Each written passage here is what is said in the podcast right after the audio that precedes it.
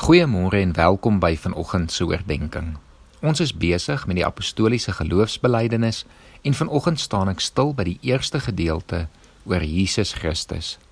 Ek glo in Jesus Christus, God die Vader se eniggebore seun, ons Here, wat ontvang is van die Heilige Gees, gebore is uit die maagd Maria, wat gelei het onder Pontius Pilatus, gekruisig is, gesterf het en begrawe is en ter helle neergedaal het. Hierdie paar sinne vertel vir ons baie kortliks die storie van Jesus se menswording, sy lyding en sy sterwe.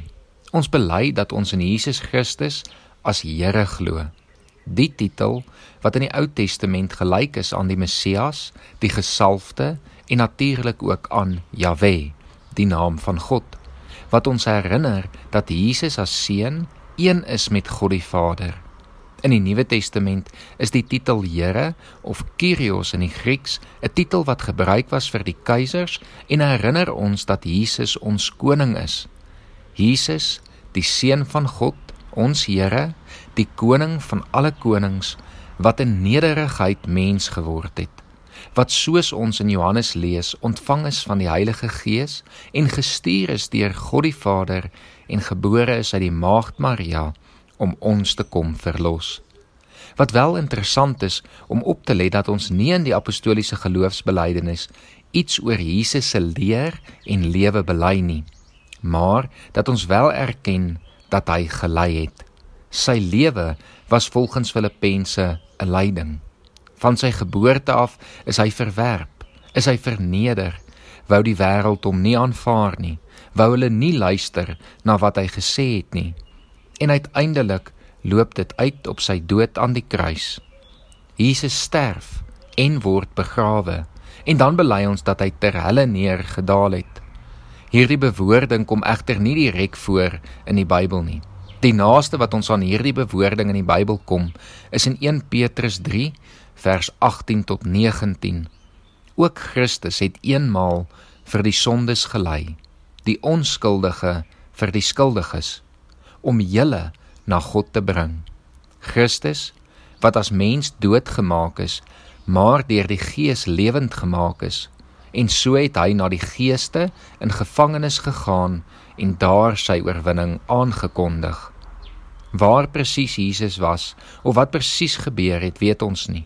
Maar ons weet dat Jesus vir 3 dae in die dood vasgevang was, maar dat die dood hom nie kon vashou nie, want Jesus was sonder sonde.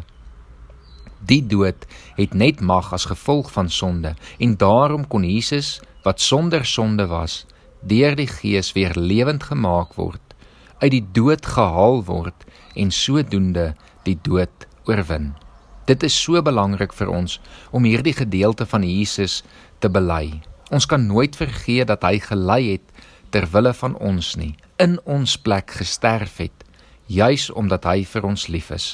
Dat hy in die dood ook sy oorwinning gaan aankondig het om juis die dood vir ons te oorwin sodat ons vir ewig saam met hom kan lewe. Ek lees vanoggend vir ons Filippense 2 vers 5 tot 8 voor. Dieselfde gesindheid moet in julle wees wat daar ook in Christus Jesus was. Hy wat in die gestalte van God was, het sy bestaan op godgelyke wyse nie beskou as iets waaraan hy hom moes vasklem nie, maar hy het homself verneder deur die gestalte van 'n slaaf aan te neem en aan mense gelyk te word. En toe hy as mens verskyn het, het hy homself verder verneder Hy was gehoorsaam tot in die dood, ja die dood aan die kruis. Daarom het God hom ook tot die hoogste eer verhef en hom die naam gegee wat bo elke naam is, sodat in die naam van Jesus elkeen wat in die hemel en op die aarde en onder die aarde is, die knie sou buig en elke tong sou erken: Jesus Christus is Here tot eer van God die Vader. Kom ons bid saam.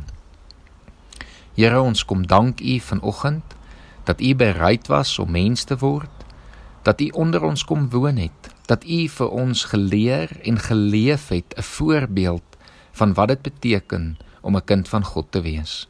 Here, dankie dat U gehoorsaamheid so sterk was dat U bereid was om vir ons aan die kruis te sterf. Ons dank U dat deur die sterwe van U uitgeloop het op die oorwinning oor die dood en dat ons vir ewig saam met U kan leef. Here, vanoggend kom ons inderdaad en ons buig ons knie en ons erken U is die Here tot eer van God die Vader. Amen.